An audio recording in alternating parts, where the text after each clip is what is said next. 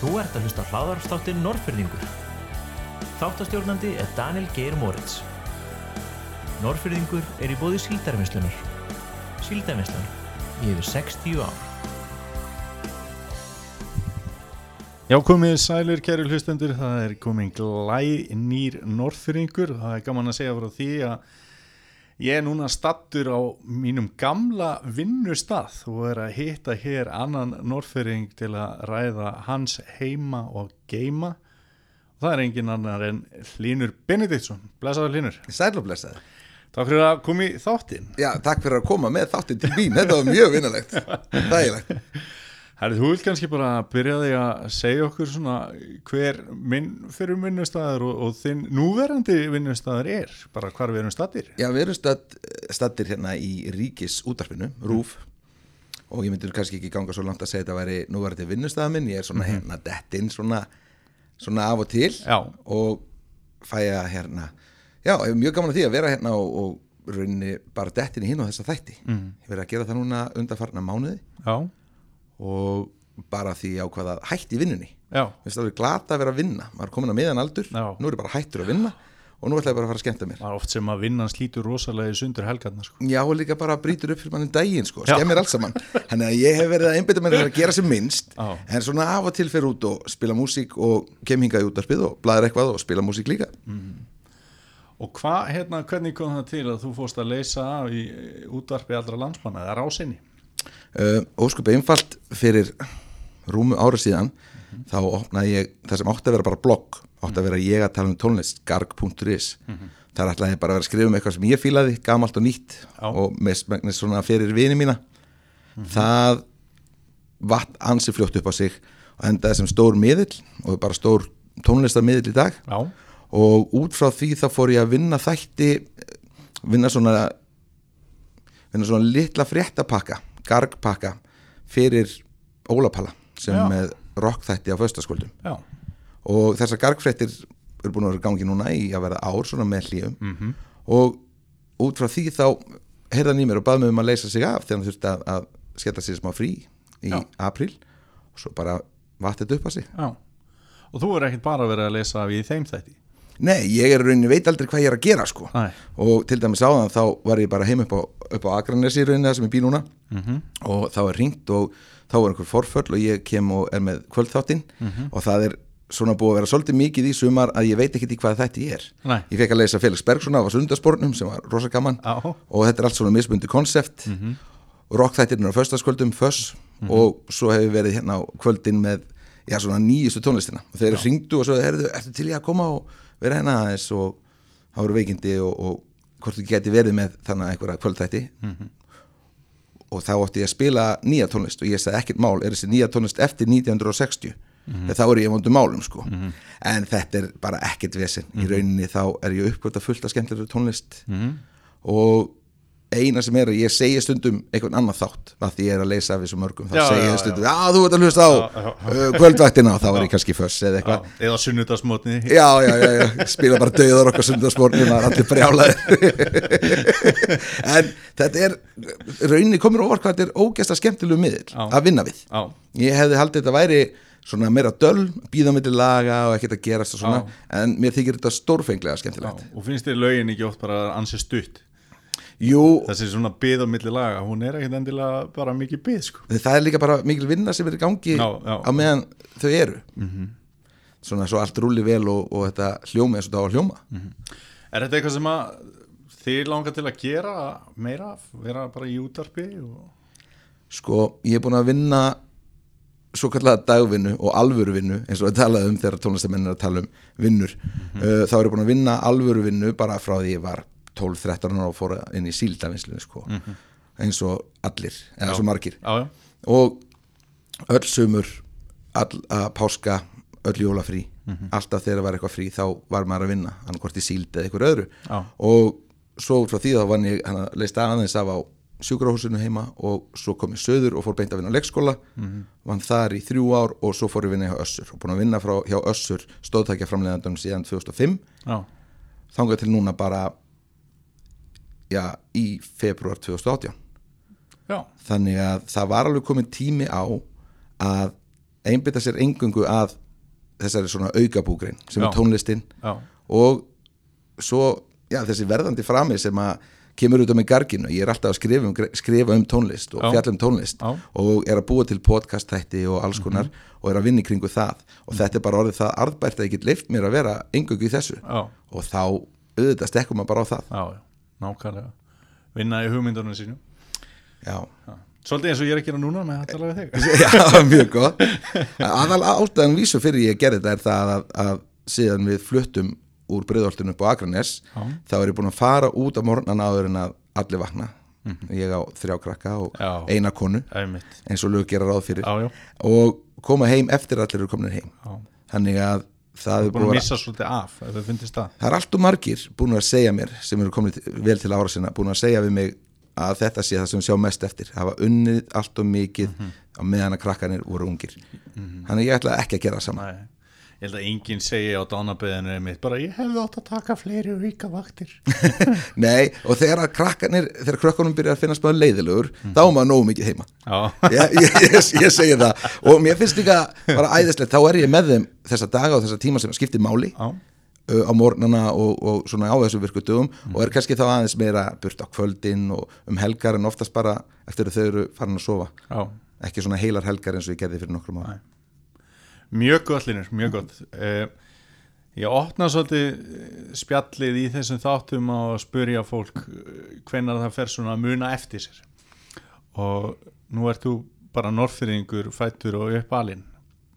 Hvenar fer þú að svona, hver eru svona kannski ekkit alveg fyrstu fyrstu en svona minningar sem að þú átti og er bara mjög ungur. Og hvað ertu þá að brasa? Ég get sagt þér uh, svona eina fyrstu minningunum mínum er stórkostleg. Já. þá er ég að flýja sólvelli. Já, uh, uh, sérst, þá er ég að flýja af leikskólanum.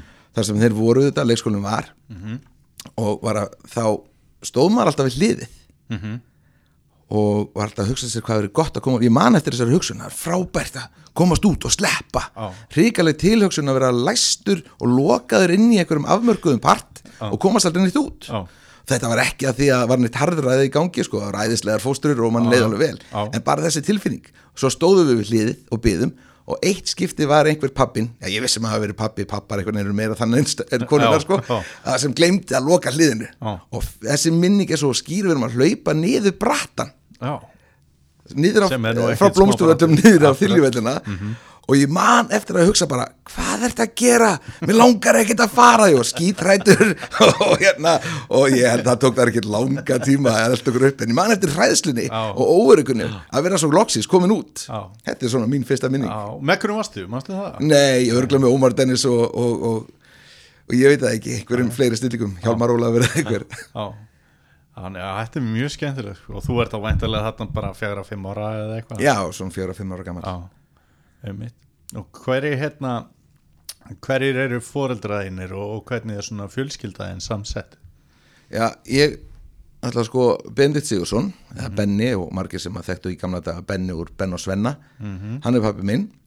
Og kemur frá Eskifyrði og mamma mín heitir Ragnhildur Hjálmarsdóttir.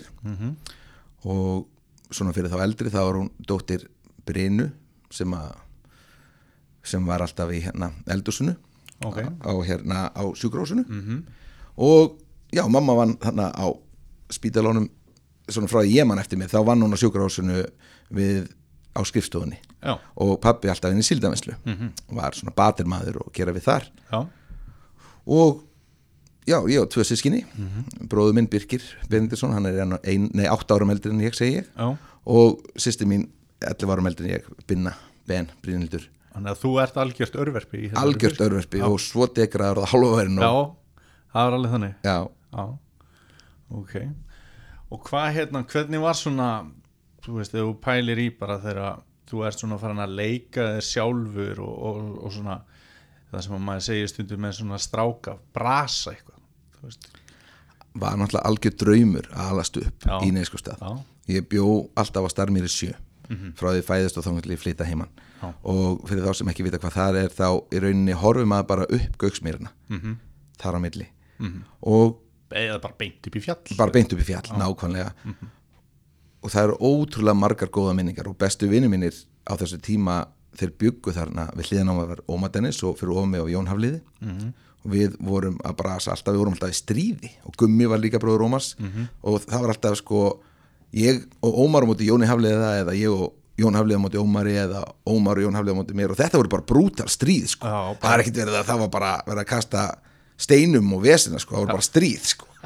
og þetta var á þeim tíma sem að starminu var ekki ennþá malbyggur sko. Já, já, já. Og það var æðimart sem að maður gerði, við vorum að gera allt sem að ég vil ekki að krakkarnir mínu gera. Af því þeir eru að skemma krakkan okkar í dag sko. Já, já. maður var að hangi lækjanum og mikið ofan í ofan í sko rörunum á milli Já, undir einmitt. sem að liggja undir veina. eins og stokkum, já, mikið þar og sérstaklega voru leysingar, það var gott og gaman Mhm, að vera þar. svo voru það Sérstaklega aðna við fótboltavellina. Og svo rísa já. stórt rörið þar sko. já, kom líka svo rosa mikið vatn já, sko. svo hátt til lofs og eitthvað þetta, já, sko þetta, þarna var maður, þetta mannist þeirri var svona yngstur, sko. Já, já, já. svo vorum við út í urðum við vorum upp í upp, upp á Vassbóli vesens þar. Og það var alltaf eitthvað í gangi. Fórum upp í hérna uh, skelltum okkur í skórektina og við vorum alltaf að vesenast eitthvað og gera eitthvað. Svo s- mjög snemma fer ég að einhvern veginn að taka eftir því að ég verði alltaf heldikinn af tónlist. Já, það var ekkert endilega í umhverfum mínu. Pappi var auðvitað í, í kirkjukórnum. -hmm.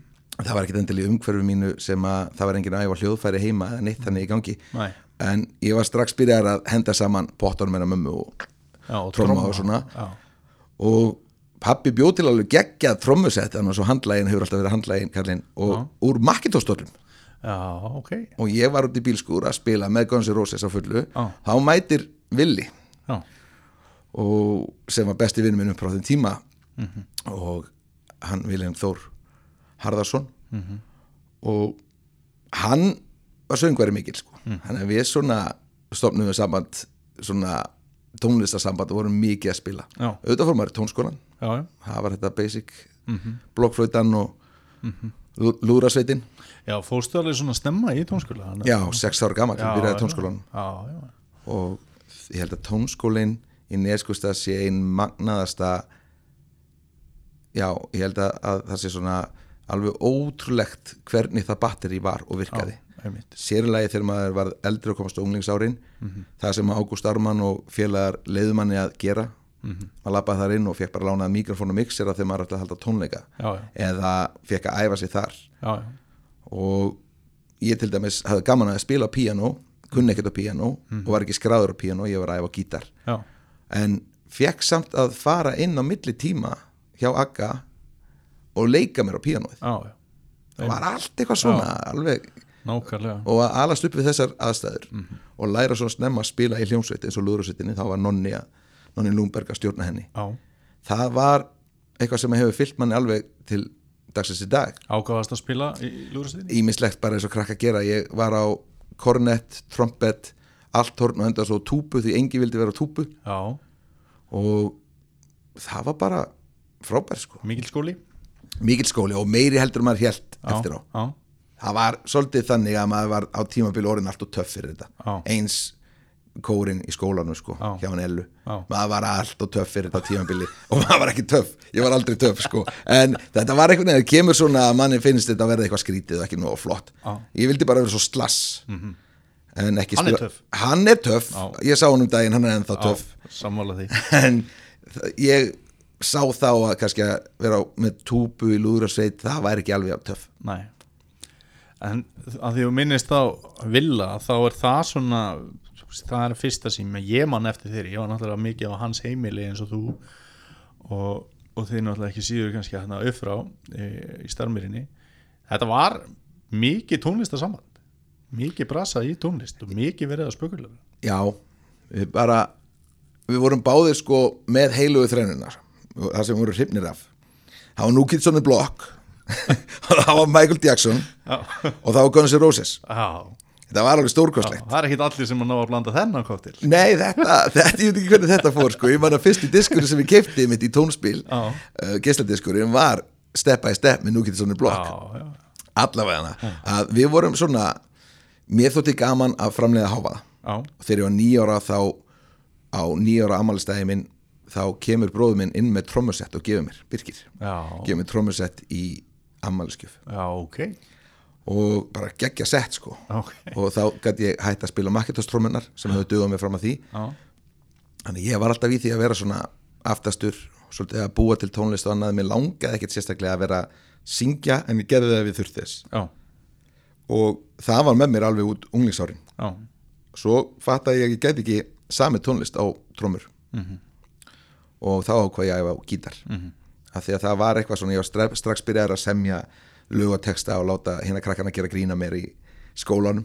Af því ég var að semja ykkur ljóð og fara með þetta í afmælum. Ég var svo rosalega blindur á að vera að gera grína mér. Já, ok. Ég hafði svo gaman að því að koma fram og, og sína öllum ég hafði búið þetta til. Já, eitthvað lag þegar ég var sjö ára og hræðilegt lag og enn verið texti og meiri sér að sjö ára krakkanir í bekknum skildu það sko. Já. en þau hefur samt gaman að því að láta mig gera þetta og Já. ég var bara eitthvað svo rosalega blindur á að það væri verið að gera grína mér. Bara hérna, þetta öllum þætti þetta bin- Blindur eða kannski bara frjálsfyrir eða, eða, eða varstu bara hreinlega blindur? Þú bara fattar að þetta væri verið að gera grín eða var þið bara drullu sama uh, beggja blans þegar ég fór að fatta fólk væri að gera grín þá og ég held áfram að semja lög og sérstaklega þegar hún kom gítarinn fór ég að semja alls konar lög misgóðu þetta eins og er þegar maður er að byrja já. og flest einhver bubba eða káká rip-off þá var svona eitt og eitt inn á milli sem, lag sem kom sem ég hugsaði bara vá, þetta gerði enginn nema ég.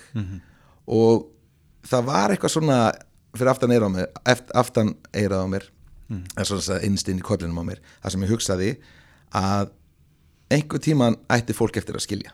Þau væri bara ekki búin að ná að skilja hvað væri magna sem væri að gera. Já, og svona blanda minnumáttakend og stórmennsku einhverji Já. að vera algjörlega brjálaður og alveg sama hvað öðrum finnst. En samt er maður líka alltaf eitthvað svona lítill í sér. Já, þegar eitthvað segir eitthvað ljótt um mann eða gerir grína manni. Þannig að ég leta samt ekki stoppa mig. Það voru líka svo margir líka góðir sem voru að peppa mann áfram. Og það var gott að hafa eitthvað eins og vilja sem að var til í að fara fremst. Og ég gæti bara verið á gítarinn eða einhver staðar á trómusetti og svona svolítið frá.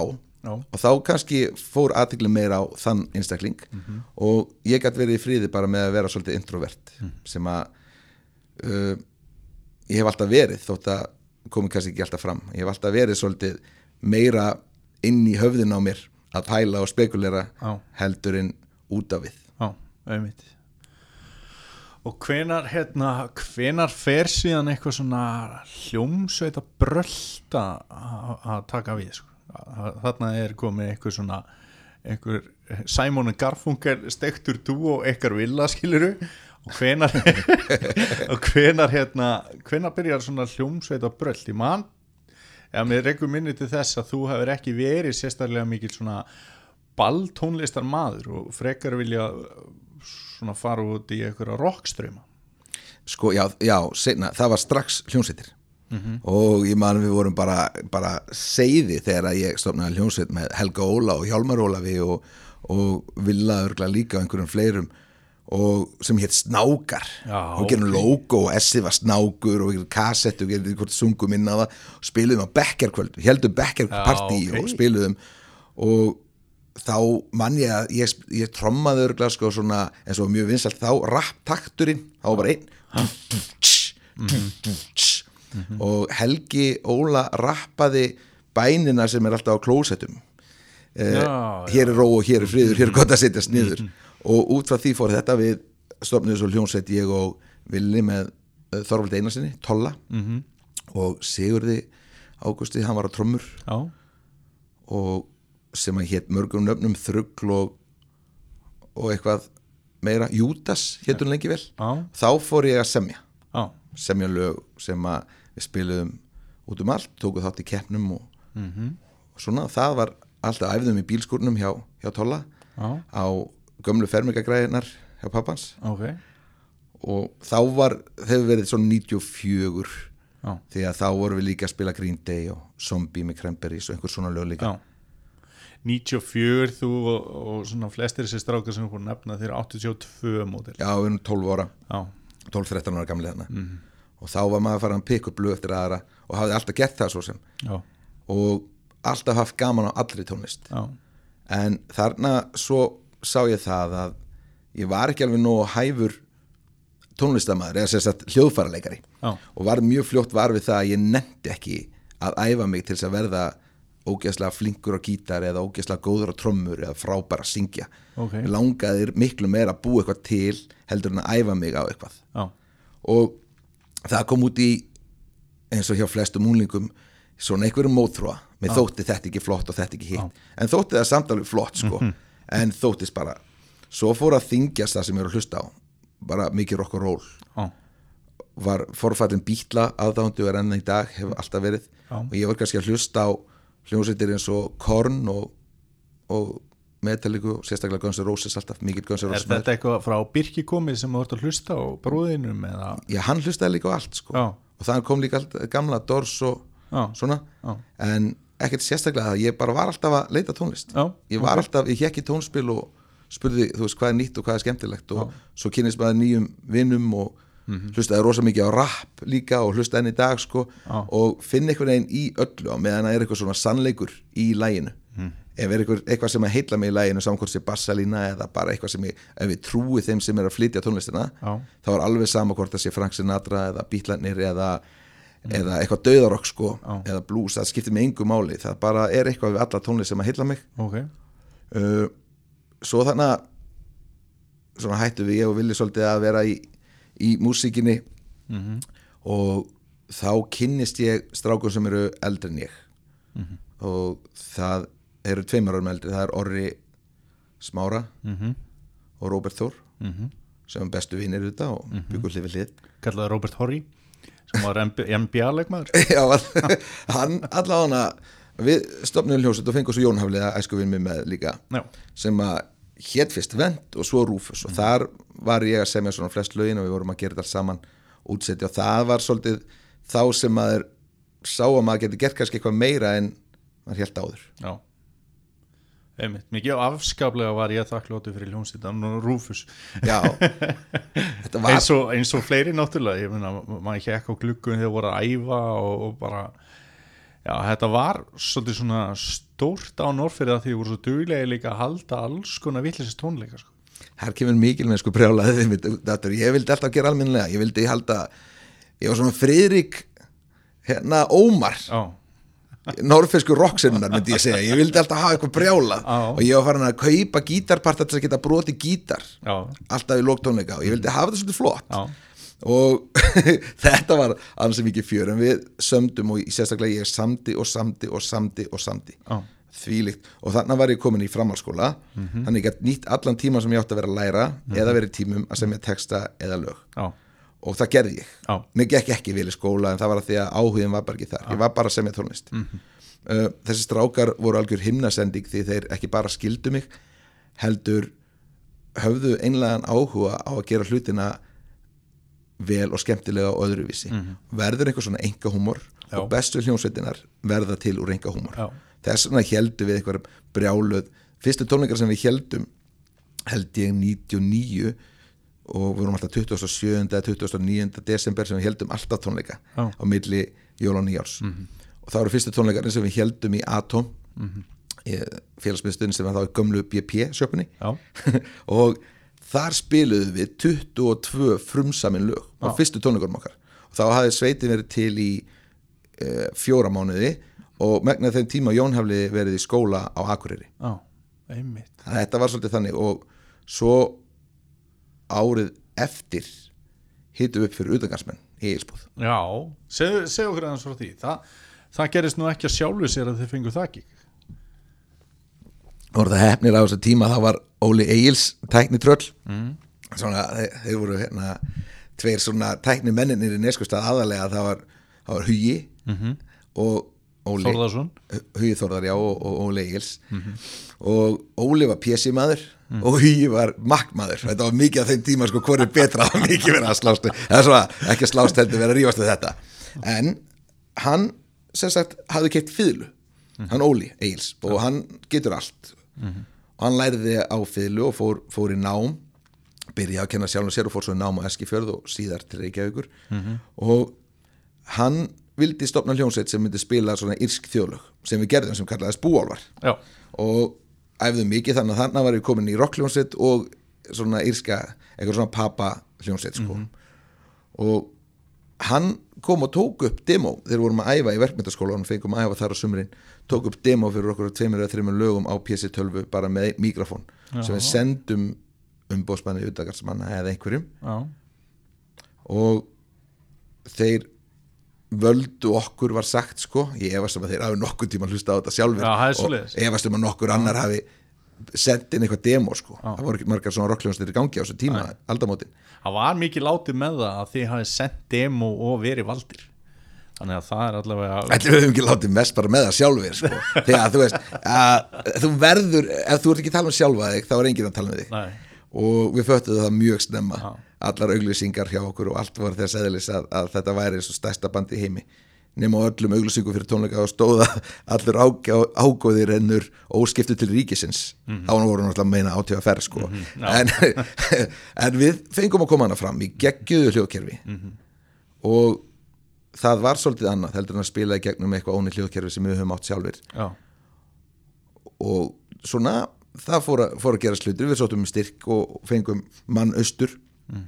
Og við tókum upp demo í blúskellarann og, þá var okkur til hapsimitt að það var flóð og Norrfjörðarbrúin fór við skuggalít þannig að, að þessi mæti maður sem var komið hann austur þurfti að vera nokkur dögun lengur. Já. og þá kom út demo sem við köllum Rappabara drottnarinn þannig vorum við ennþá bara svolítið að hafa gaman að þessu og ekkert alveg að fatta einhverjum öðrum þætti þetta skemmtilegt. Næ, og þegar við gáum þennan disk þá einhvern veginn seldist hann bara. Við þurftum alltaf að vera að skrifa nýja og nýja diska endalust, það voru sex lög.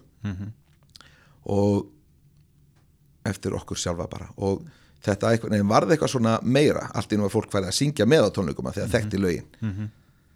En það var líka að þið höfðu gefið út eitthvað demo og undan sem að var líka hægt að kaupa sem að hét, þá hétt þetta ábygglega vend þannig að þegar þetta fer að stað þá var þetta svona næsti diskur eða veist, manna já, betri, betri hljómur og, Já, og, og bara þetta er bara, veist, vil ég fylgjast með þessari vekkferð sem er í gangi? Ég held að mörgum að liði svolítið þannig sem að duttu á rúfusvagnin snemma sko. Já svo náttúrulega voru bara, þú veist, vinnur okkar eins og segir, voru með á æfingum og það var svona félagskapur í kringum þetta. Uh, og eins og alla góða hljósetir þá þarf að vera einn klikkaður maður sem ofmetur allt. Og það var ég sem vildi alltaf ganga lengra og gera meira. Og ég held að það tekið sérst, svona enda 2002 þá fæ ég þennan saman til að koma austur með heilt stúdíu Já, ekki bara upptöku græju næ, og þannig vorum við ekki búin að æfa lengi strákarnir voru annars staðar í skóla. Já, og ég er með fullt af nýjum lögum eitthvað smá af eldri sem við mæft allt á ensku. Já, og við herrtökum þá flugstöðin á gömlu og tókum upp þessa plötu. Og hún var sko, mér þykir hún skemmtileg. En það var svo margt sem við ætlum að gera sem fór ekki að sátt að vera því að uh, þessi maður var ekki alveg í sama góða ástandin og hann hafi verið árið áður. Og það var mér að kenna. Ok, og það bara án þess að ég vissi það. Ég vissi ekki að hann væri, hann óvirkur algi og daginn fyrir upptökur þá býði ég honum með mér í partí. Já, ok. Í Neskustad, Já, já Þorfríði hann stóta. já. og það þetta var sérst prólogapartí. Já, og ég, ég, viss, og ég vissi ekki sérst að hann væri óvirkur algi næ, það er þannig að ég ætlaði líka ekki að fá mér í glas því að við vorum að fara elst með hana daginn eftir á lögadeginum að taka upp. -hmm. búið að koma græjanum allt tilbúið, ekkert vesen. Ég og ég var í alvöru það vitlaus. Og þannig að sko 2002 hafði ég alveg drukkið í heilt ár held ég, þannig ég ætti nú alveg að vita þetta að ég ætlaði að vera edru en held að vera allt í lægi að meðan ég var að spjalla við einhvern að borða ávastin úr bollunni. Nei. Það er vist ekki viskulegt. Kelstu það bara í álfu? ég grínlega sko, ég var svo græn ég held í alveg það var bara allt í lagi. Ok, það er bara saga heima að þegar mamma var fyrst full Já. á fjall hún á þessu bræði nema, nema hún 12 ára skilur já, já, þú veist, ég, hún var ekki tvít það var alltaf verið haldið fram að, að því var alltaf verið haldið fram að sko konur séu þroskar en kallmenn þannig ég ber það fyrir mig, ég hafi verið aðeins eftir á. Allavega, ég var ekki skarpar að þetta og varð hress, Já. væga sagt. Og fyrir að útskýra fyrir þessu manni að hann sé stattur á besta stað á Jarðríki, mm -hmm. þannig að sé skemmtilegasta fólkið, besta partíið allir á leiðin ball og hann kemur með. Það er ekki að langa sig stutta. Þetta var langt kvöld ég vakna eldress klúan 8 morgunin á, á lögadegi og ringi hann. Hann svarar ekki. Nei. hann svarar ekki einn og hálfan klukkutíma þá ringir í mig og segir Linur, já, blessaður, þú vaknaður? Þú verður að koma að bjarga mér. Ég er einhverju hús út í bæ. Þá hann enda bara einhver staðar Mhm. og var fallinn blessaði maðurinn. Og upptökunar eruð þannig að, að það var vall hægt að nota við náðum samt einhvern veginn að, klæma þessu saman og gáum plötuna því að það búið að vera svo mikil kostnaður. Já. við vildum gefa þetta út. Já.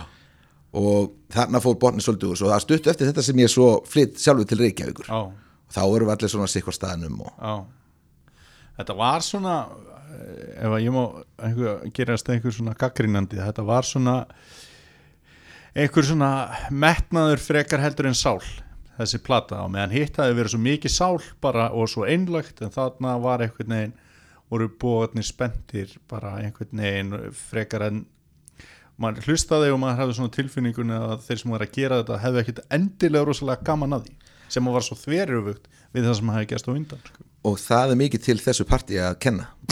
Hefði ég ekki farið með hann í partíð til Þorfriðar grínlöst því að þetta voru hræðileg vika sko. hún var hræðileg. Þessi maður var ekki í góðu andlu ástandi skiljanlega, þetta er hrikalegt fyrir fólk sem er já, já, að, að falla. Og það litaði allt saman. Já. það var allt þingra, það var allt erfiðara. Það var ekkit leiðilegt í okkur. Það er aldrei leiðilegt í okkur strákana þegar við hittust ekki dag ennþá, Nei. við erum ennþá bestu vinnur okkur. Þykir gaman að hittast og spila þessu gömlu lög. Já. en það sem gerðist í rauninni að þegar maðurinn sem er að stjórn upptökunum er honum líður ekki vel og það verður ekki mikið úr verki og maður er að reyna að lemja þetta áfram því það er bara eitthvað tímarami já, að þá hvarf allt úr þessu sem átt að vera. Já, einmitt. En og var, var ekkert eitthvað vesen eitthvað á milli? Þegar- þú veist, að því að það er náttúrulega þekkt að þegar að maður er pyrraður og það getur bitnað á einhverju sem maður vil alls ekki að bitna á en voru þið alveg í góðum gýri eitthvað á milli eða var, já, ég held að hafi svolítið enda við að móti honum sko. Já, einmitt. En svona til þess að segja alveg satt þá var það auðvitað svolítið alltaf þannig að ég var að keiri þetta áfram og svolítið kannski ekki toga vagnin, þeir gerðu svo mikið og, og voru svo stór partur af þessu. Þeir voru náttúrulega bara hljómsveitin, sko. en aftur á móti þá var ég örgulega frekastur. Mhm. ég átti flest lögin og ég hafði einhverja svona sín já, og það held ég að hafi verið sko eins og þú segir, það var oft hugsa ég um Rúfus sem metnaður fram yfir getu. Mm, ok. Það var svolítið þannig ok. og margt virkaði og annað ekki en það sem eftirstendur eru óteljandi stundir með góðum vinum að gera skemmtilega hluti og fullt af enga humor og alls konar vitleysa. Við byggum mér þess að til sko heimavídjó sem engi fær að sjá sem við eigum bara sjálfur og horfum á nokkur ára fresti saman sko, sem við tekjum upp á einni helgi þegar við vorum að taka upp í blúskettaranum Já, og svo að fýblast eitthvað þar svona í kring sko. Ok. Það er svo allar alvöru, alvöru rockljónsættir Já. Þið unni líka verðlun á músitillunin þegar þið fóruð þangað. Ég held að sé ekki þetta að segja við höfum unnið vellaun Jón Hafliðin alltaf er stórkostlu bassaleikar og hann vann vellaun Já. á þessu ákvörð þetta kvöld þá var ég með eh, 39 stegi hitta ég fekk, fekk bara flensu sama dag Ok. og ég lá bara niður í einhverju móki, einhverju geimslu sem sagt áður en strákarnir komu og náðu mig þá við fórum með svið. Þannig að þetta var ekki okkar besta framkoma. Æ. ég var alveg úti sko. Ég var bara eins og ég var á einhverju. Og það var frengur sérstætt þið farið ekki í úrslit en samt er hljóðfærarleikari sem spilar ekki á úrslit á kvöldinu sem að fær velun Já sko, ég held að Johnny Boy myndi nú bara fá, fá velun alltaf fyrir það sem hann er að gera. Hann er ógeðslega góður. Og hann og Orri sem rithmapar Já. er draumur í dós. Og að fá að vera sem ykkur lög að láta þá spila það sko. Svo kemur Robby með alveg frábæra vinkil á móti sem söngvari og líka sem lagahöfundur. Og þá verður bara eitthvað svona samsöða sem að þú fær ekkit úr öðru. Nei. og ég er auðvitað búin að spila með ótal mörgum einstaklingum. En þeir einstaklingar sem þú spila með eru unglingur Já. í þrjú, fjögur ár stanslöst og við, svo eftir þetta náttúrulega vorum við líka að spila í búálfanum, Mhm. helling og við vorum að spila í öðrum ballhjónsötum og það hérna er einhvern veginn bara ef við hittumst og spilum Mhm. sem við erum að fara að gera til að mynda næstu helgi í brúðköpi hjá Jónus Mára já, já, ég, Orri og, og Jón. Að þá er aldrei vesinn Nei. við bara hittumst og ég byrja og þeir elda þeir bara, þeir horfa á mig og sjá hvernig ég stend eða hvernig ég horfa á það og þeir vita bara hvað gerist næst. Mjög gott. En þegar þú ert þarna að komast á úlingsár og ert þá að byrja þá byrjar við líka svona hvað maður að segja, svolítið svona hennar trúpadóra feril, þú náttúrulega hefur þá orð á þeir að vera einhver besti trúpadór landsins. Það er náttúrulega bara er, það eru ummæli sem hafa verið höfð um þig og, og, og þú er held ég einu sinni tekið þátt í trúpadóra keppni og það var náttúrulega ekki spurning hvernig hún fór hún náttúrulega bara vannst hana. En einhvern tímann heyrði ég fleikt að þú hefur svona að það hefur verið svona hóað í þannig gutta sem að var farin að glamra á gítar til þess að hafa eitthvað stuð í partíum.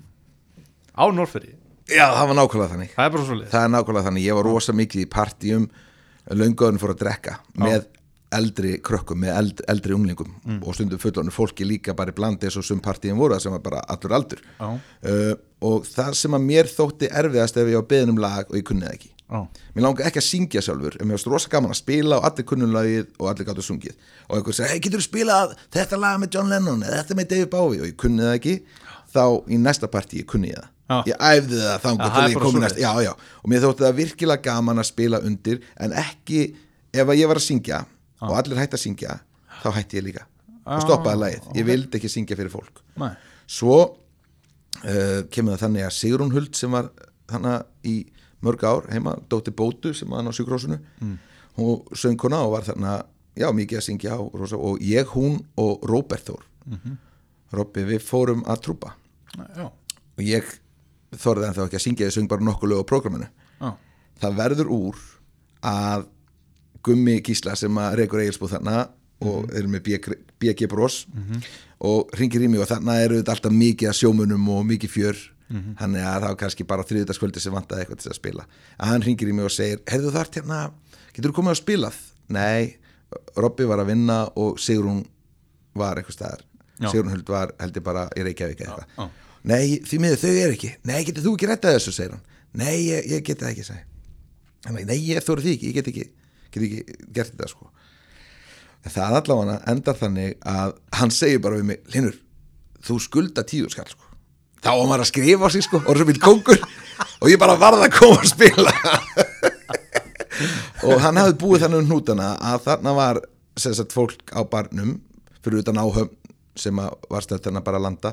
Það var líka uh, fólk frá Norrfyrði sem hafi verið í að, að þau myndi kannski verið duglega að klappa milli laga. Já.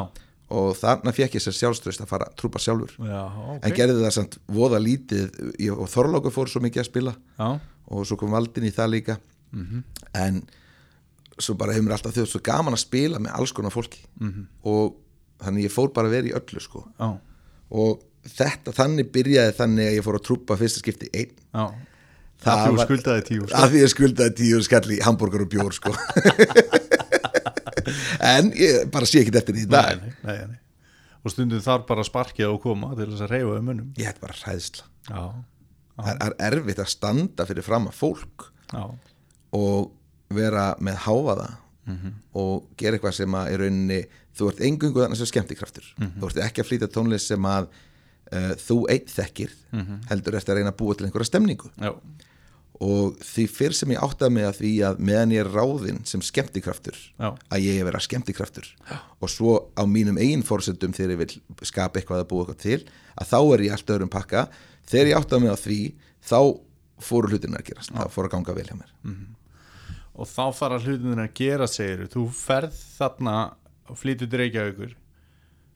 Í svartri hættupeysu Nirvana bísunum og með gítar á bakinu og eiginlega bara punktur Já, punktur, eða?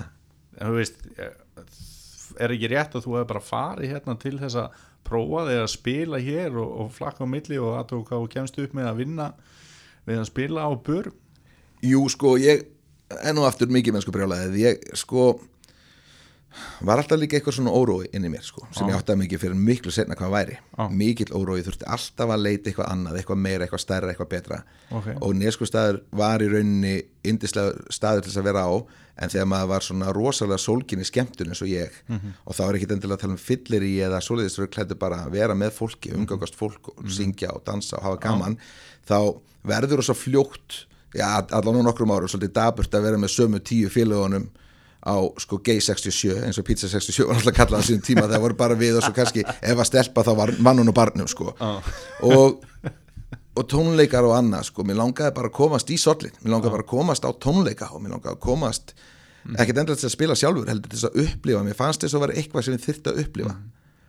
Og Var að missa af einhverju bylgju eða fannst þér, var eitthvað svoleiðis? Var eitthvað í gangi sem meðvitaður um og bara af hverju er ég ekki þarna? Já, nei ekki endilega bylgju held að mér, það var bara spennandi að vera á einhverju stórum stað og geta farið á allast á tónleika. Það var aðalega tónleikahald sem að svona heitlaði mig, að geta labbað út á tónleika. En ég flytt söður, ekki með vinnu og er hérna aðdurnulegs í tvo mánuði og þá var einhver bendi mér á að ég geti sótt um vinnu á leikskóla. Og ég fór að hlæja eins og ég fær bara hver sem er að vinna á leikskóla ég er einhvern tvítugu fáraður að einhver að lána, bara leifa mér að passa barnið sitt. Já. og það náðu þetta vissi það ekki að já, það var já, öllum skýt sama bara með að þú nettir að vinna þá festu vinnu. Þannig að ég fór að vinna á leikskóla og spila um helgar. Já, og það var ekki þannig að ég geti labbað inn á bar og fengið að spila. Nei. því að þessu tíma voru bara trúbadóra sem að það var spilað þarna á fimmtudögum og stundum föstum og lögadögum já, það var svolítið erfitt að komast inn í það. Engin vissi hvað þú varst og ég fór að segja getur hringt austur og talaðu gumma, gísla eða eitthvað. Þá sögðu þeir bara, já já, þú veist eitthvað frændið sem að segja Mm. Bara hvað sem er. Já, já. vissi ekki hver ég var eða hvað verið gangi. Nei. þannig ég auglist á netinu. Uh, og bara einfallega auglisti bara eh, í rauninni uh, vantaði trúbátor í partí eitthvað að spila undir stemninguna. Uh, þá eina sem það þurfti að gera var að borga mér eitthvað next pening á klukkutíma. Uh, sækja mig og koma mér aftur þannig sem við fara, sem slegu bíl þá eða hvað sem er sko. Já. og ég held ég hafi hendin líka sko frýr bjóra með hann eða eitthvað.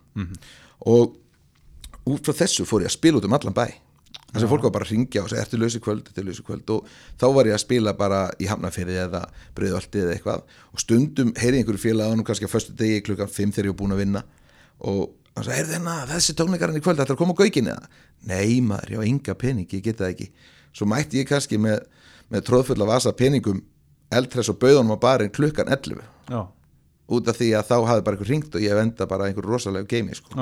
Og þannig fór ég að vinna fyrir mér og svo auðvitað var það Haldán sem var á skjá einum og, og var að búa til raunveruleika þátt. -hmm. og þar hérna þarna bjó ég í leiði með Orra og Guðni, Orra Smára já, Solvallaguttunni og Haldán er með djúbulöguna, sætla minninga -hmm. Og er svo að búa til hennar þátt 2003 sumarið sem að hann á að fara í gang.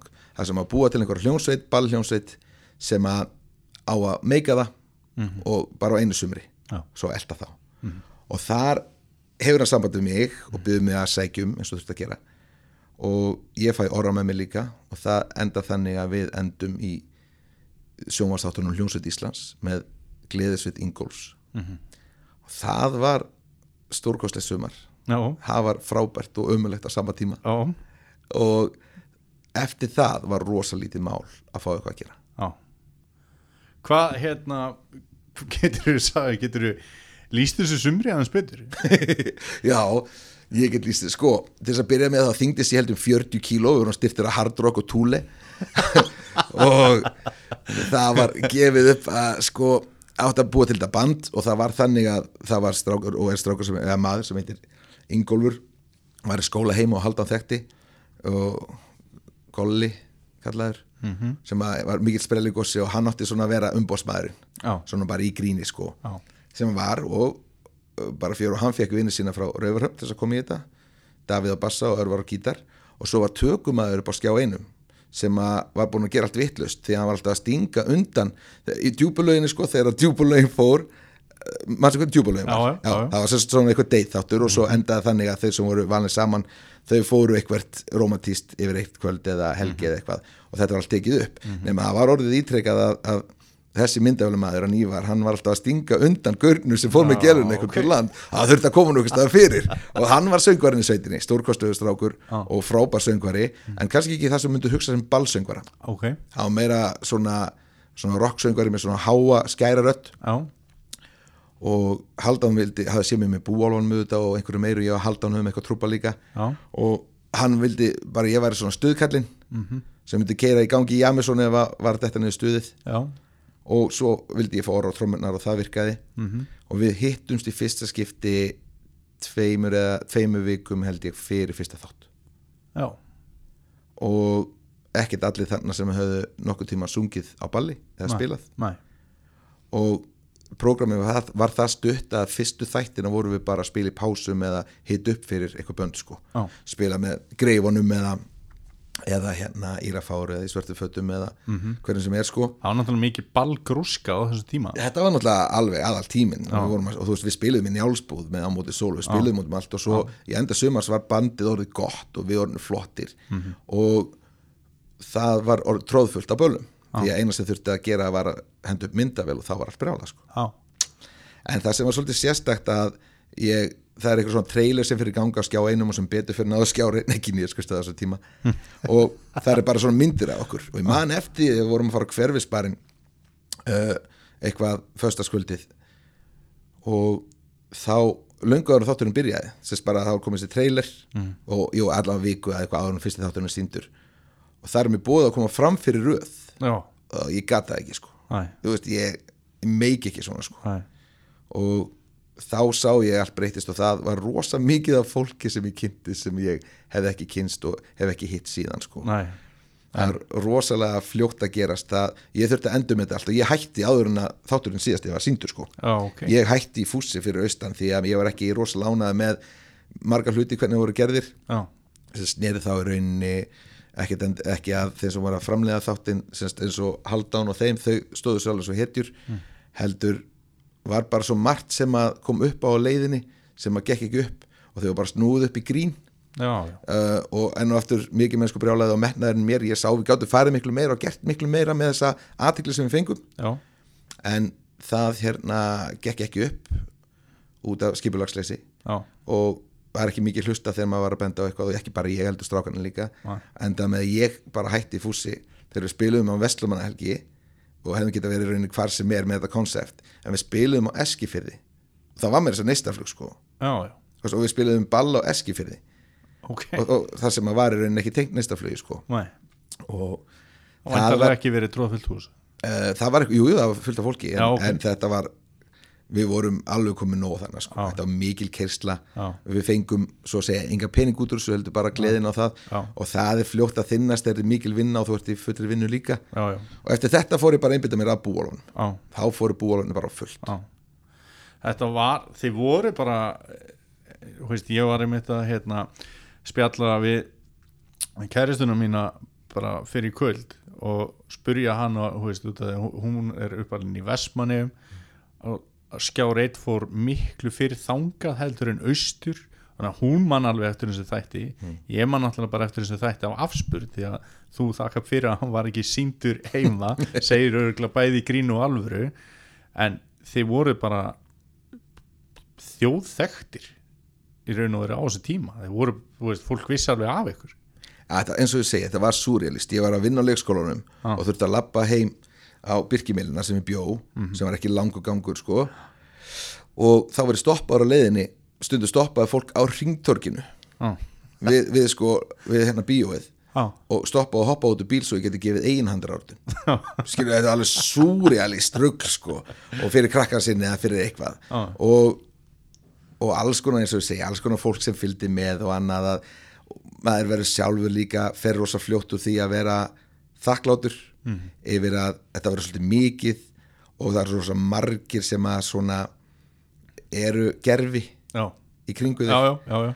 og ég var ekkert orðin eitt sérstaklega manneskja sem ég vildi vera Næ, á tveimu mánuðum sko. Það tók engan tíma. Næ, ég var bara orðin leiðilegur og það var ekki það að ég vildi vera leiðilegur við fólk sko. Ég var orðin dónalegur og leiðilegur við fólk út af við. Já. og ástæðan var einfallega svo að ég gati ekki allt þetta áreiti. Næ Það gerist á hratt ég þurfti bara einhvern vekk Já. og þá var ég bara leiðilegur Já. og það er eitthvað sem henda mér ekki sérstaklega vel Nei. þannig ég kúplaði bara út Já. og bara búið Mhm.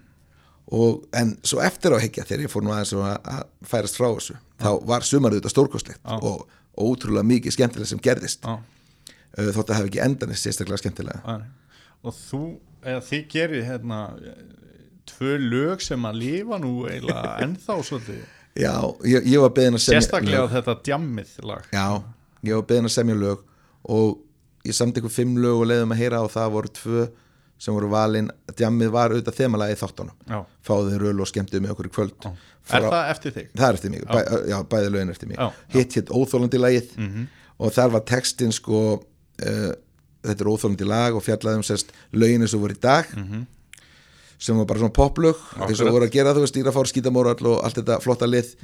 Og ég eitthvað að þykjast vera betri með mig og segja að þetta var ekkert mál að semja svona lag og gera þetta lag sem var alveg grípandi lag en er óþólandi og textin átti ekki að vera svona nema að, og ég átti ekkert endilega að syngja það en það fór þannig að, að það var bara ekki tími þegar við komum í stúdíu þess að klára og söngvarinn sérst söng það ekki, heldur ég söng það. Já. ég man alltaf eftir því þau fórum með upp á FM Já, þau brostu þegar við komum og ekki þegar við fórum. Og það fór ekki spilun en þetta var eins og ég segi, þetta var mikið stuð. Og, og þarna spilaði líka fyrst sko, ég hafi komið heim um páskana eða, sérst, já, þetta ár 2003 mm samti þá Party Jesus sem var líka mikið partílag sem ég spilaði einhvern tóminn í þáttunum. Og svo var ég alltaf að búa til einhver lög eitthvað svona, svona pínlítil viðlög og eitthvað sem ég var að spila bara í rútunni. Það var alls syngt í þáttunum. Já, og við hefum alveg getað tekið upp plötu en það var ekkert. Mæni Verkefnið var ekkert lengra en það átti kannski bara að vera. Nei, og svo tók eina barður þetta og gerði þetta sest, með nælon árið eftir. Já, gerði þetta alveg með stæl. Já. Þannig að þú ert næstu í hlínur í nælun ég væri, var geðvett til að vera hlinur í nælon sko. Það er geggjað sko. Það er party Jesu Já, Þú einhvern veginn færð hugmyndi á því fermingavisli hjá svona skáfrændaðinum ef, ef, ef ekki rétt. Já skarpiðin sko það var verið að ferma hann. Og ég hefði fengið hugmyndin aðeins fyrr. Þá var ég hérna fyrir sunnan og sá Omega. Og mér langaði svo að búa til stöð sem heit Omegas sem var bara svona tvö eyru og allir töluðin svo Megas og eitthvað, fór eitthvað að pæli þessu og svona, og ég var að pæli þessu rugli. Það var eitthvað kall með gítar og halleluja og allt þetta sko, og bara halleluja. Mér þótt það mjög undarlegt. Já. og, og, hérna, og skemmtilegt líka og, og fór að hugsa um sér sagt þegar maður miskilur bóðskap Já, eins og þetta að, að miskilja um hvað trú stendur, fyrir hvað hann stendur og, og alls konar svo liðis og þar kemur þessi texti sem að ég er spónum svo aðeins áfram þegar við erum komið þá í ferminguna hjá honum skarpjenni. Mm. Þá er ég heim á starmirinni og fór allir í kirkjunum að ég og ég átti bara að fylgjast með matnum ok. sem var í opninum Já. En eins og gerist fyrir þá sem að eru sveimhugar þá fór textin að koma. Í 14. árum, á 14. árum minnum fór ég, fór að pæli að fermast. Fer, er fólk að fermast út af gjöfunum eða út af trú eða hvað er í gangi. Og það kom þetta svona eins og Omega svona vera að peppa fólki í að þetta er geggjað maður. Hann bara tjekka þessu guður Jésús, hann var kúlgægir og komið þessi romsa, ég brendi matinn og eðlaðistu í veisluna fyrir skarpiðinni en söng lagið í veislunni þannig að það kláraði sko. Já. Og svo söng ég þetta þarna í þættinum og daginn eftir fekk ég tvö símtölu eitt frá presti austur á landi sem var mjög ánægð með þetta og skildi þetta.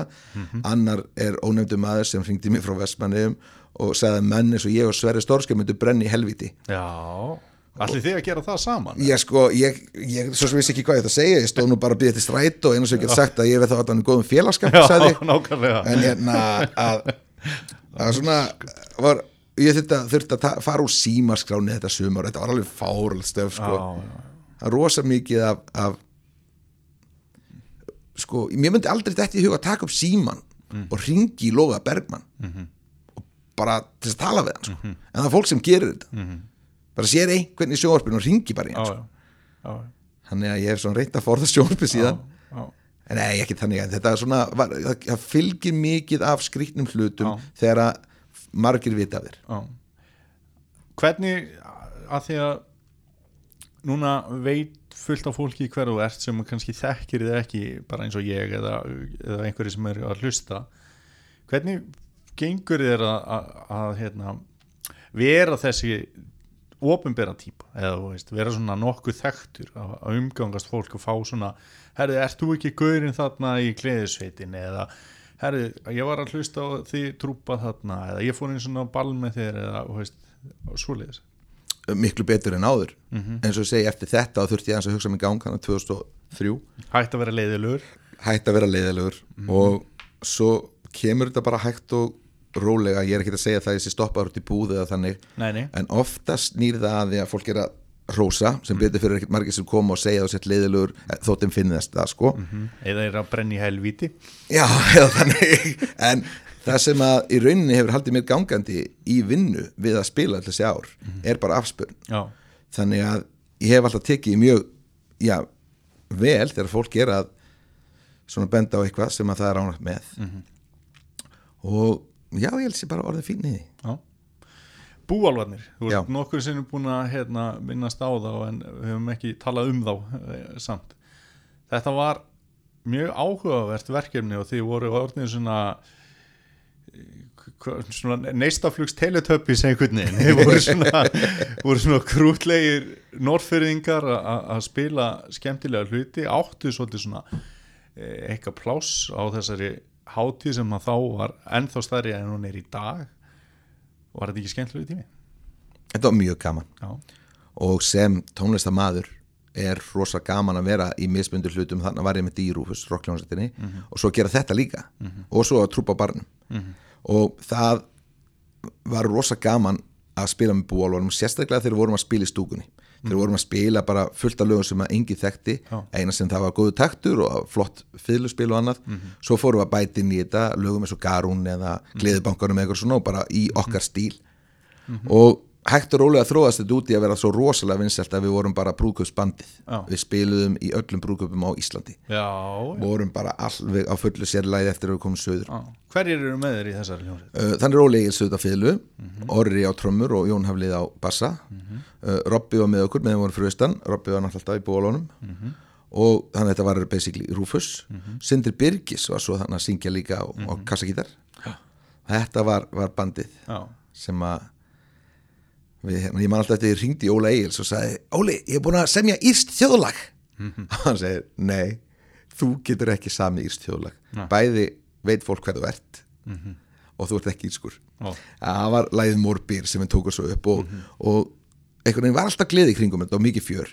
Svo auðvitað bara eins og alltaf þegar fóru að vera meira að gera meiri peningur og annað þá fór þetta að vera meira svo kvöð. Já, og þá eru sömuklúbanir ekkit alveg skemmtilegir. Nei. Já, en við spiluðum alveg gigantist mikið sko Já. þessi kvöld samt sem við vorum í stúkunni mm -hmm. sérlega í fimmtudagskvöldin sem við byrjuðum, það var ekkert að gerast á fimmtudagskvöldin fyrir við byrjuðum á því já, á næsta flugi Á næsta flugi. Og bara svo allir séu með, hvað ert að meina þegar þú segir stúkunni? Já, í stúkunni í Egilsbúð sem er þá þannig niður þar sem hún gengur inn áður en lappar upp stegana barnum og sem fólk er að panta mat Já. þar var alltaf fjörið og þar vorum við sex að spila og það var tróðið allstar, það var ekki að fara á klósitið ekki á barinn. Og við spiluðum bara í tvo klukkutíma því það var bara opið til eitt við byrjum klukkan 11 og við spiluðum til eitt. Og eins og brjálæðingar sko. Já. og þetta var hrikalega gaman og við vorum að spila fullt af lögum sem fólk hafði ekki heyrt. En voru bara þannig að þú varst að dansa og varst að syngja með. Þessi írsku þjóðlög. Svo fórum við kannski að færast nær því sem að paparnir voru að gera þegar við fórum að vera þurfa spilundi dansi. Já. þegar við ráðnir í brúðkaup og svona sko. þannig að það breytti svo þessu elementi. En þeir sátu bara að drukki bjór og sagt lélega brandara og, og skipst það að syngja og svona, það var geggja gaman. Þurfum við ekki að fara bara að heyra í búvólunum áttur? það er mikið, það er mikið rætt sko, það er mikið rætt. Og það við byrjuðum 99 sko, þannig að það styttist í 20 ára. Já, afmæli. Smá áskonum bara hér með. Þetta eru þetta mennir út um alla trissur Óli býr Erlendis, hann búið mörg ár. Og bólarnir spiluðu svona í mínu mynd í brúköpuna hans 2010 senast held ég. Uh, Við myndust núna á neistaflug þegar vorum að tala um uh, búalana Þú hefur verið oft og tíðum svolítið þáttur a, í þessari hátíð og bara núna er ný búið neistaflug þar sem að þú ert í stóru hlutverki. Uh, hva, hvaða þýðingu hef, hafði það fyrir þig bara að alast upp á Norrfjörði með svona bæjarhátíð í bænum? Geggjað, algjörlega geggjað. Hún byrjar hvað 92-93 Já, 93 þá er ég bara einmitt pjakkur. Og það er eins og komin á áðan sko með tónleik og annað. Ég sá KK-bandið, ég sá Solstadagæðina, ég sá að því þeir voru spiluð allir úti líka, Já. Sem spiluð á bölunum inni. Það var ótrúlega gaman að fórum einhvern tíma vinnirnir að að horfa á miljónumæringana Já. og hvort að Páll Óskar Ég held að Páll Óskar Já. hafi verið með frábært. Að þá voru að spá í sko hver þeirra væri ríkastur. Og bara það lítur að vera saxonfóleikarinn hann er með svo gullita hljóðfæri Já, sko. já, já, eldri en þetta sko. og, og þetta var já, þeir alltaf hann niður á bryggju. Og mér fannst þetta stórkostlegt, þetta var líf og fjör og aðalega tónlistin.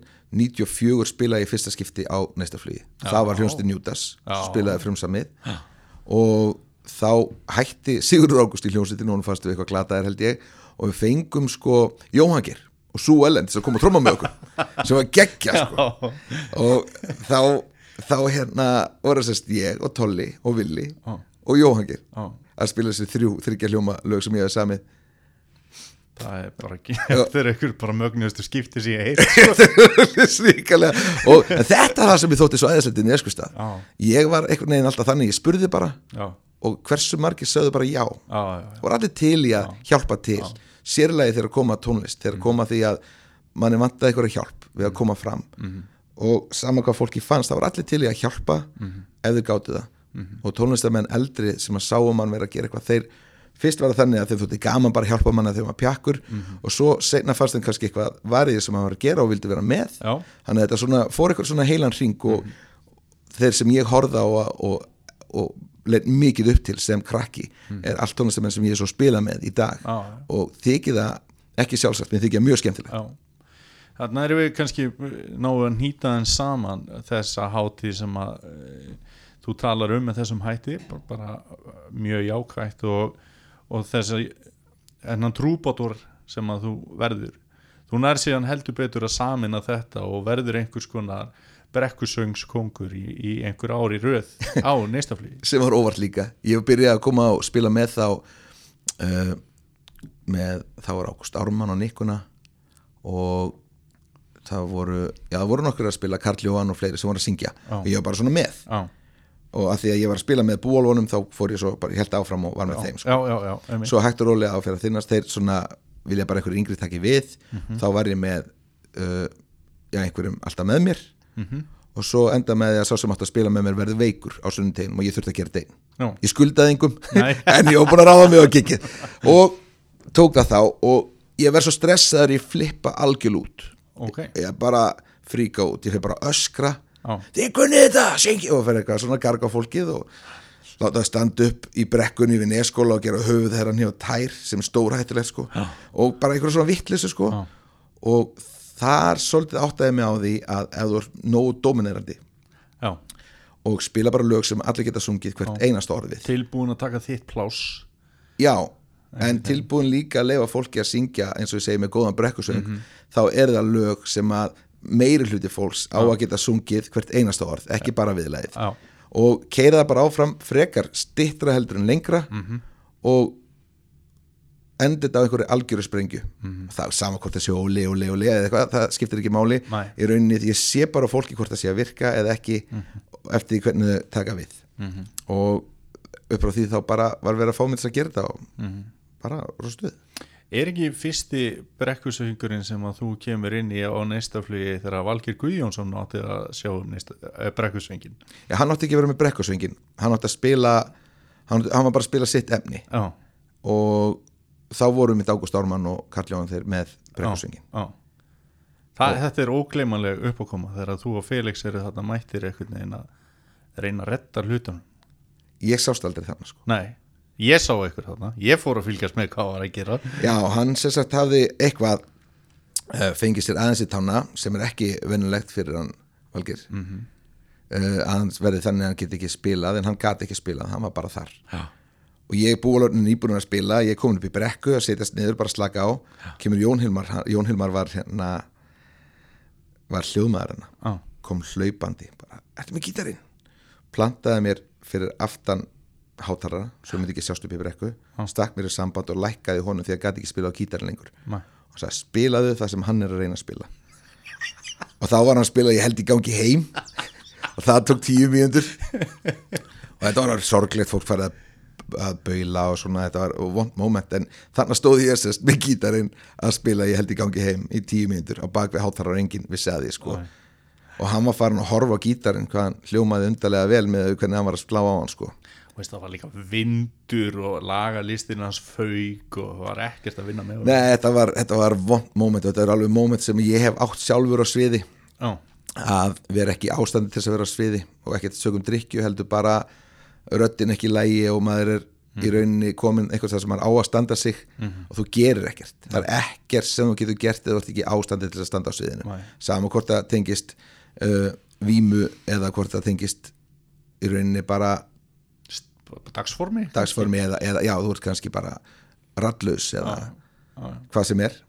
Og þetta er það vest og ég sá, ég fann til með hún uh, mörgum þótt að hrikalegt öðrum þótt að fyndið. Og ég hef séð margótt koma fram ég hef aldrei séð þetta hvorki fyrir það já. þetta var bara eitthvað óhapp. En hann í rauninni þannig hefði hann kannski ekki átt að fara á svið eða einhver átt að segja hann ætti ekki að fara á svið. En það er svolítið erfitt þegar þú ert staðist atriðið Mhm. þú heldur kannski og sért bara í góðu form og getur alveg komist í gegnum þetta reyndur skipulegjandi myndi samt bara tilkynna hann veikan og hann fær ekki á svið sko. og ég vissum að þeir sem stóða þessu þarna hefði gert það ári eftir sko. Já, þetta var bara, var einhvern veginn kraða að geta bara komast Já, já, ég held að hann hafi verið að ganga upp á svið þegar einhver sagði, er hann svona fullur? já, já, Það bara gerist já, já, nákvæmlega hluti af sjófmennskan Já. er ekkert grín En þetta er skemmtilega við neista flugið, endalust af alls konar sögum eða margir sko já, já. Ég held við ættum að fara að heyra aftur um Mighty Garth Ég hef ekki séð hann í svo mörg ár. Nei, nákvæmlega.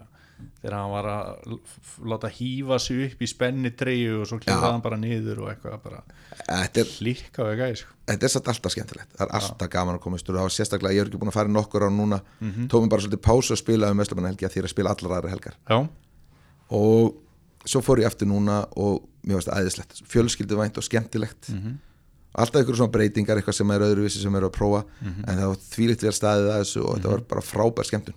Var með alla fjölskylduna, Já. fórum á tjálsveðið já, og þannig á ég tvo pjakka sem að runni hafi ekki komið svo mun eftir því austur, já, já. hann ég gæti verið að sína þeim já, örðirnar og mm skórektina og fara með sund og, og dorga bryggjunni og gera allt sem það gerði, það var ógeðslega gaman. Hvað hérna hvenar, hvernig er það svo að því að nú langar mig að fara út í fjölskyldu nótunar fyrst að þú ert eiginlega búin að leiða spjallið þangað? Kona þín hvenar kynnistu henni?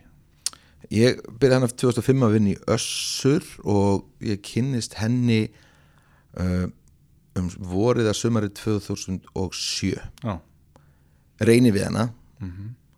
Og það gekk ekki. Æ, hún sýnir mér hún, með, hún var trúlóðu sko, sýnir mér ring og sér sást ekki ringin sá þeir reynda að kissa hana.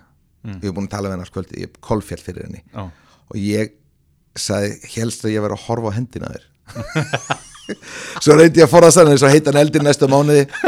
Og, og þá var bara hennar skeið með, með þeim manni að reyna sér skeið.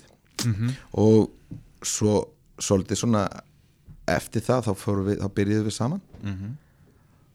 Og höfum verið saman síðan. Það er bara tíu ár.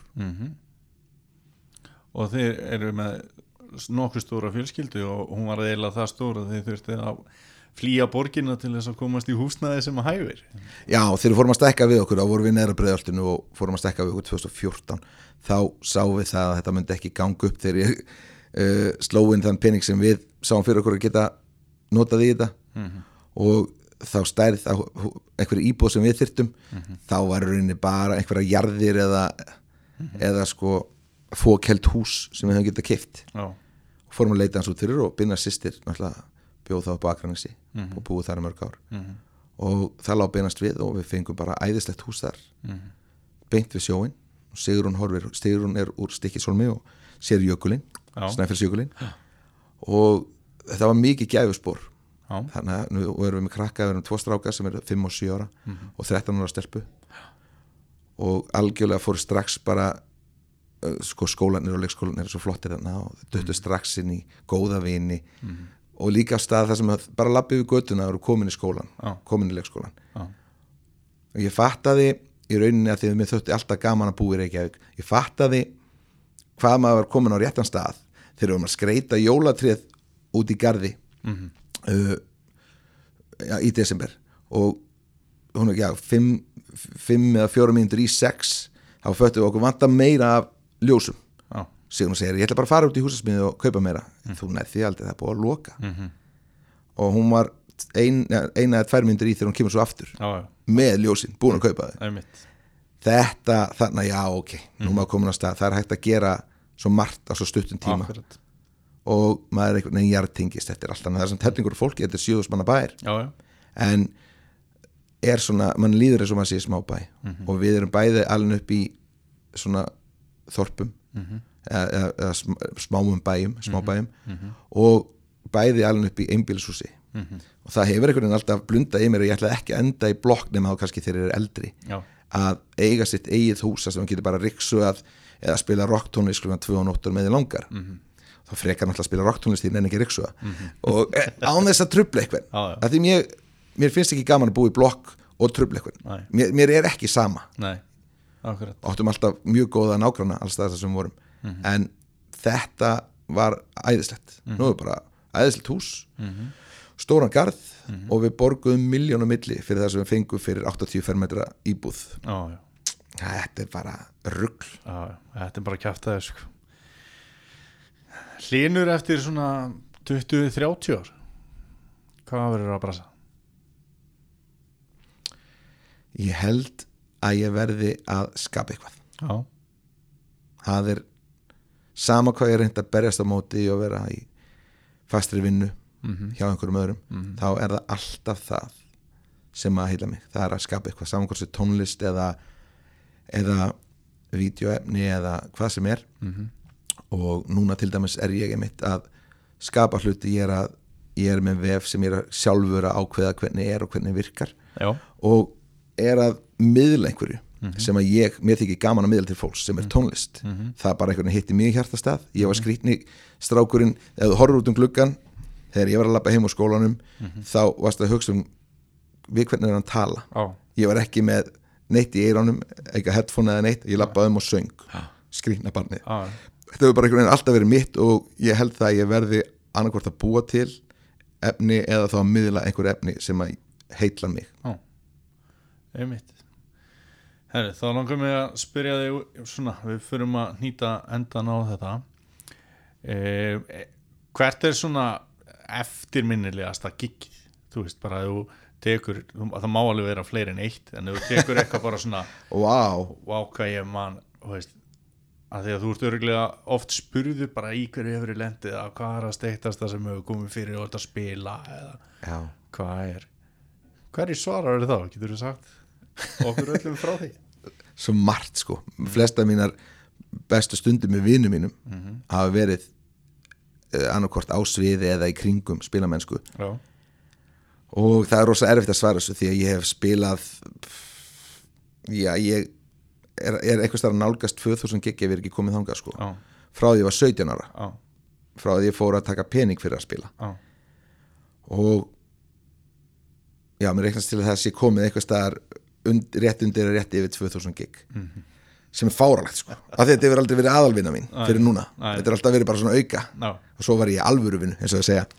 Það er rosa margt sem búið að gerast og rosa margt gott og rosa margt slæmt eins og alltaf en ég já, ég hugsa að sé þessa stundir þar sem maður stendur á sviðinu og lítur í kringu sig. Og maður átt að segja á því að það er einhverju galdrar að gerast.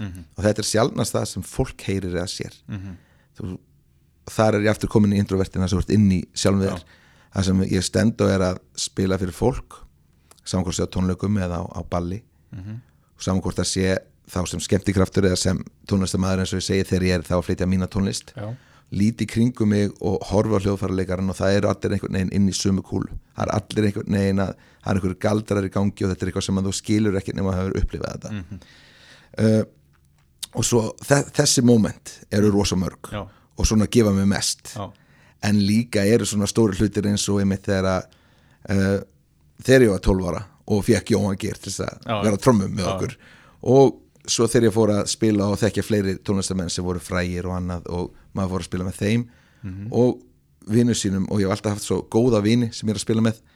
En ef þú vilt að ég nefni eitthvað eitt sem er svona stórkostlegasta sem ég lendi í þá held ég að það hljóti að vera í eigilsbúð þar sem ég hef svo oft komið fram og indislegt að vera þar ég held úgáðu tónleika fyrir plötunum mína leiðin heim sem var tekin upp í neskustad með góðum vinum. Já, og 2014 fer ég austur og held útgáðu tónleika og Rakel Helga dóttir minn syngur þar með mér fyrsta lagið. Já, og það lag uh, samt ég að því hún sagði við mig hvort að ég, hún fengi ekki að syngja eitthvað á plötunni. Og lægið er um að vera tónlistamæður og vera að fara í burtu. Og hvernig þetta fer allt í ringi lífið gengur annar ring og að koma aftur. Og um börnin sérst nöfnin á börnunum mínum eru vafin inn í textan að hann svo takir eftir Já, ok. Og þetta andartak það sem að hún söng og ég spilaði við sungu, svo, já, sungu saman. Og svo trillir salurinn þetta er held ég mitt uppáhalsum Já, ég get vel trúið því. Og ert mikill fjölskyldur maður, Linur já, ég er það. Já. það er, ég segi það, það er ekkert ekkert mikilvægur en fjölskyldan. Nei. Bæði, bæði nær fjölskyldan og sérst, bæði fjölskyldan sérst, uh, sískinni og, og, og foreldrar. Mhm. og svo fjölskyldan sem að skapa sig sjálfur. Mhm. og það maður kemst alltaf meir og meira því að það er það sem skiptir öllum máli, það er alveg sama hvað einhverjum finnst og flottur standard eitthvað stær að gera eitthvað. Já, og, og hvað þú ert góður að í því sem þú ert að gera. Er að það skilur ekkit eftir sig þegar þú svo farin af sviðinu eða farin eitthvað annað nema einhverja svona hlýju hjartanu. En nærverða með fjölskyldinu það er eitthvað sem að er bara allir sem að þekka það vita að það er það sem skiptir máli. Og ég held við séum hérna út af því. Ég held við séum hérna til þess að vera uh, og búa til eitthvað líf og vera með uh, fólkinu sem elskum. Hvernig er þá tilfinningin að vera munaðarlaus norfyrðingur? Þá á ég við, þú getur ekki farið í herbergið þitt þá að annað fólk heima í húsinni já, það var sko, Mamma þinn og pappi ekki heima lengur í neskjöpstaðan, skilur nei þau, þau fluttu suður blessunarlega þar sem að rauninni mín vinna hef, verður hér áfram Já. og hefur ég, ég oft hugsaði um að flytja austur en það bara er ekki það er bara ekki svo möguleika fyrir mig Mhm. ég er Það er bara ekki allavega tímabært núna nei, er og, og hefur þú útilokað það? Ég sé ekki fram á það allavega Nei, því að ég er búin að sérhæfa mig bara sjálfur í hlutum á þess að hafa lært neitt, ég er ekki lærður. Nei. ég kláraði ekki framhanskólan, ég fór um eitt söður þá átti ég eitt ár eftir í stúdent eða eitt og hálft eða eitthvað. Já. og ég var bara búið til tónlist. Þannig að ég sem sagt fer svo austur eftir að þau eru búin að selja. Og mér þótti bara þykir gaman að kera fram hjá sjá starmirinn, sjá hvernig hún er. Uh, og það sé eitthvað gott fólk sem að heima þar. Ég fæ ekki eitthvað svona trega ég held ég myndi hugsa þannig að ég hefði viljað kaupa húsið og eiga það. Mér langar rosalega og, og Sigrun líka, kona mín, hún talar alltaf um það þegar förum austur hún langar að eiga hversu sumarhús eða, eða eitthvað íveristað fyrir austan já, til þess að vera í. Núna voru á tjálsvæðinu, í fyrsta skipti er ég á tjálsvæðinu í Neskustad Já. og við vorum alltaf bara í útilu, vorum að fara um all land og, og í Neskustad yfir helgina mm.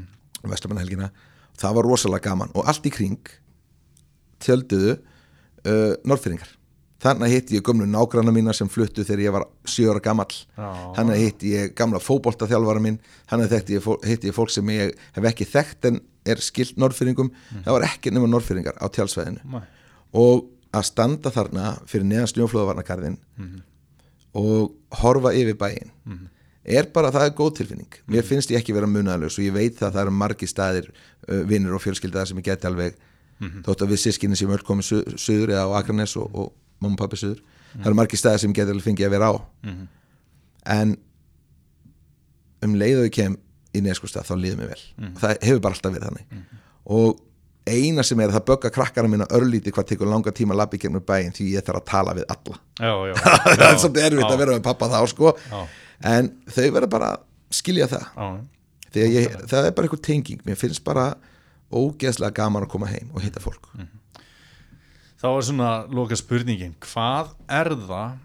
Og það má vera eitthvað, eitthvað fólk eða það má vera eitthvað staður eða eitthvað viðburður bara eitthvað, þú mátt alveg finna út úr því sjálfur hvað það er. En hvað er það þegar þú kemur á Norrfjörð sem að fari þér svona til að hugsa bara já, nú er ég komin heim eða hér líður mig vel eða hér sleit í baskunum eða þú veist, hvað er svona eitthvað sem þú sérð eða eitthvað sem þú upplifir eða eitthvað sem þú hittir sem að farið til að hugsa, þetta er norðfyrir minn sko. nú er kallinn komin heim.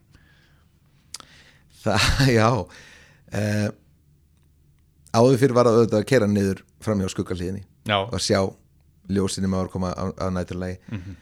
uh, sveitin og, og allir staðinir þú veist, öll húsin og annað það er, er svo margt að, þótt að breytist þá er þetta alltaf sama myndin sko. Já, en ég myndi segja í fyrsta andliti sem ég sé sem að gleði mig.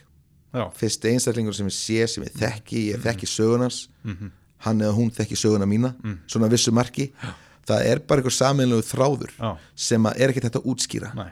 og það þarf ekkert endilega að vera eitthvað sem maður hafi snakkað mikið við sko, Nei, við erum ekki að fjalla við þegar maður var krakki eða annað. En það er fólkið. Það er fyrsti einstaklingur sem ég sé mm saman hvort sé góðvinnu minn eða bara eitthvað kunningi eða hvað eða bara eitthvað sem að vann í búðinni þannig að þeir eru krakki. Þá finn ég, ég er komin heim. Þannig að það er ekkit endilega að þið viti hvað það er en hugsi, en þú hugsa samt svona já, við vitum þetta báðir. Já, og það er með neðskurstað eins og alla aðra staði án fólksins þá er þetta bara enn einn fallegi fjörðun og það er fólki sem að í rauninni lætur mig líða vel hana eins og ég segi, ég gæti staðið fyrir fram að rauðina í búðinni í fimm klukkutíma og aldrei leiðist Nei, þegar kemur alltaf nýtt og nýtt fólk. Það er erfiðara fyrir fjölskyldunum mín en mig. Ég kemst ekki mikið í gernum búðina. Mér bara finnst svo gaman að hitta alla og spjalla. Herri Hlynur, það búið að gaman að spjalla. Takk fyrir spjallið. Sumulegis